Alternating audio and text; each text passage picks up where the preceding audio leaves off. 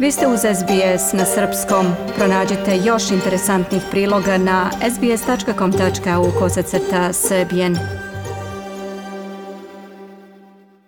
SPS radio na srpskom jeziku. U Australiji se poslednjih nekoliko sedmica vodi velika polemika o nastavku financijskog paketa Job Cape-a. Job Cape je započet u martu, neposredno nakon izbijanja pandemije virusa korona, kako bi kompanije i mala preduzeća mogla da nastave da zapošljavaju ljude, iako u tom momentu nije bilo dovoljno posla.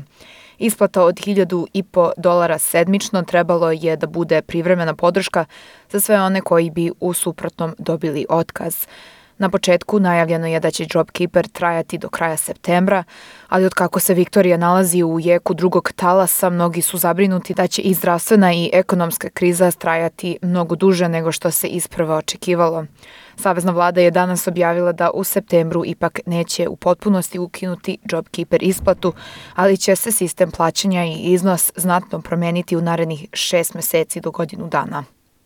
There is no one thing that can remove from us Ne postoji samo jedna stvar koja će nas izvući iz ove krize i koja će nam skinuti ovaj teret s leđa, rekao je jutros premijer Scott Morrison. On je naglasio da iako je situacija trenutno teška u Viktoriji i do nekla u Novom Južnom Velsu, Australija se i dalje nalazi u jako dobroj poziciji kada se pogleda stanje u svetu. Mi održavamo ove standarde zbog toga što se bavimo pitanjima zdravstva, ali i ekonomskim pitanjima i nastavit ćemo da podržavamo i jedno i drugo, rekao je Morrison. On je naglasio da je do sada milion preduzeća dobilo oko 30 milijardi dolara u JobKeeper isplatama i da je isplata dizajnirana tako da nema veze u kojoj se državi ili teritoriji nalazite. Morrison je rekao da je stanovništvo izgubilo oko 39 odsto prihoda iz drugog ili trećeg zaposlenja i da je isplata namenjena da pomogne u pokviranju svih gubitaka. On je naglasio da u martu nije bilo vremena da se stvara detaljni sistem isplate, već je glavni cilj bio da se ljudima pruži trenutna podrška dok se ne preispita dugoročni plan. Morrison kaže da sada, četiri meseca kasnije, izveštaji pokazuju da je JobKeepa odradio svoj posao, ali da je nekim preduzećima i dalje potreban. That we should continue JobKeeper and we, and we shall. But it needs to be done in a way. Izveštaj je pokazao da JobKeeper treba da se nastavi i zbog toga ga nećemo ukidati, ali ćemo izmeniti način i iznos isplate. JobKeeper mora da se isplaćuje u skladu sa trenutnom situacijom, nisu svi u istoj poziciji sada kao što su bili u martu i zbog toga ćemo nastaviti da pravimo reviziju ove pomoći. U oktobru će se Job Keeper isplata podeliti u dve vrste isplata.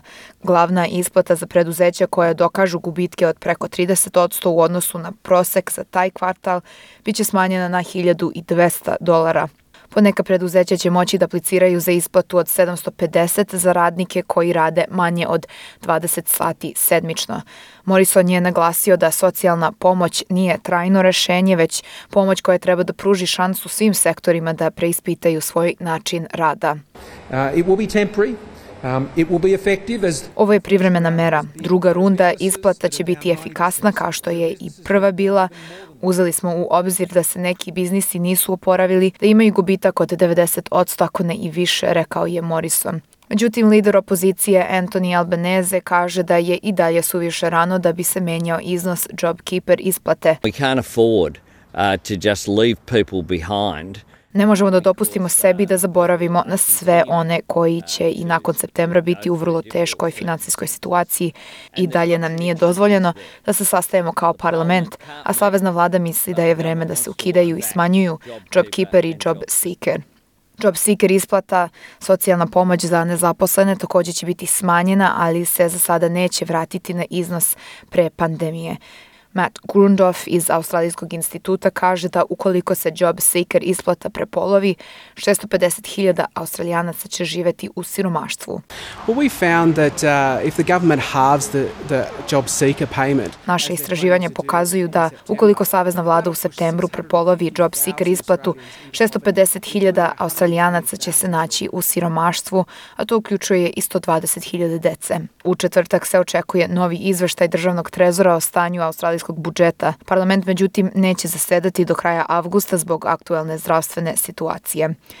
Sve informacije vezane za virus korona možete naći na srpskom jeziku na našoj web stranici sps.com.au kosacrta Serbian u specijalnoj rubrici virus korona.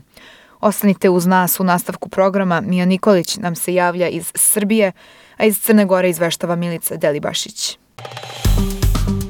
Dajte like, podelite, komentarišite. Pratite SBS Serbian Facebook profil.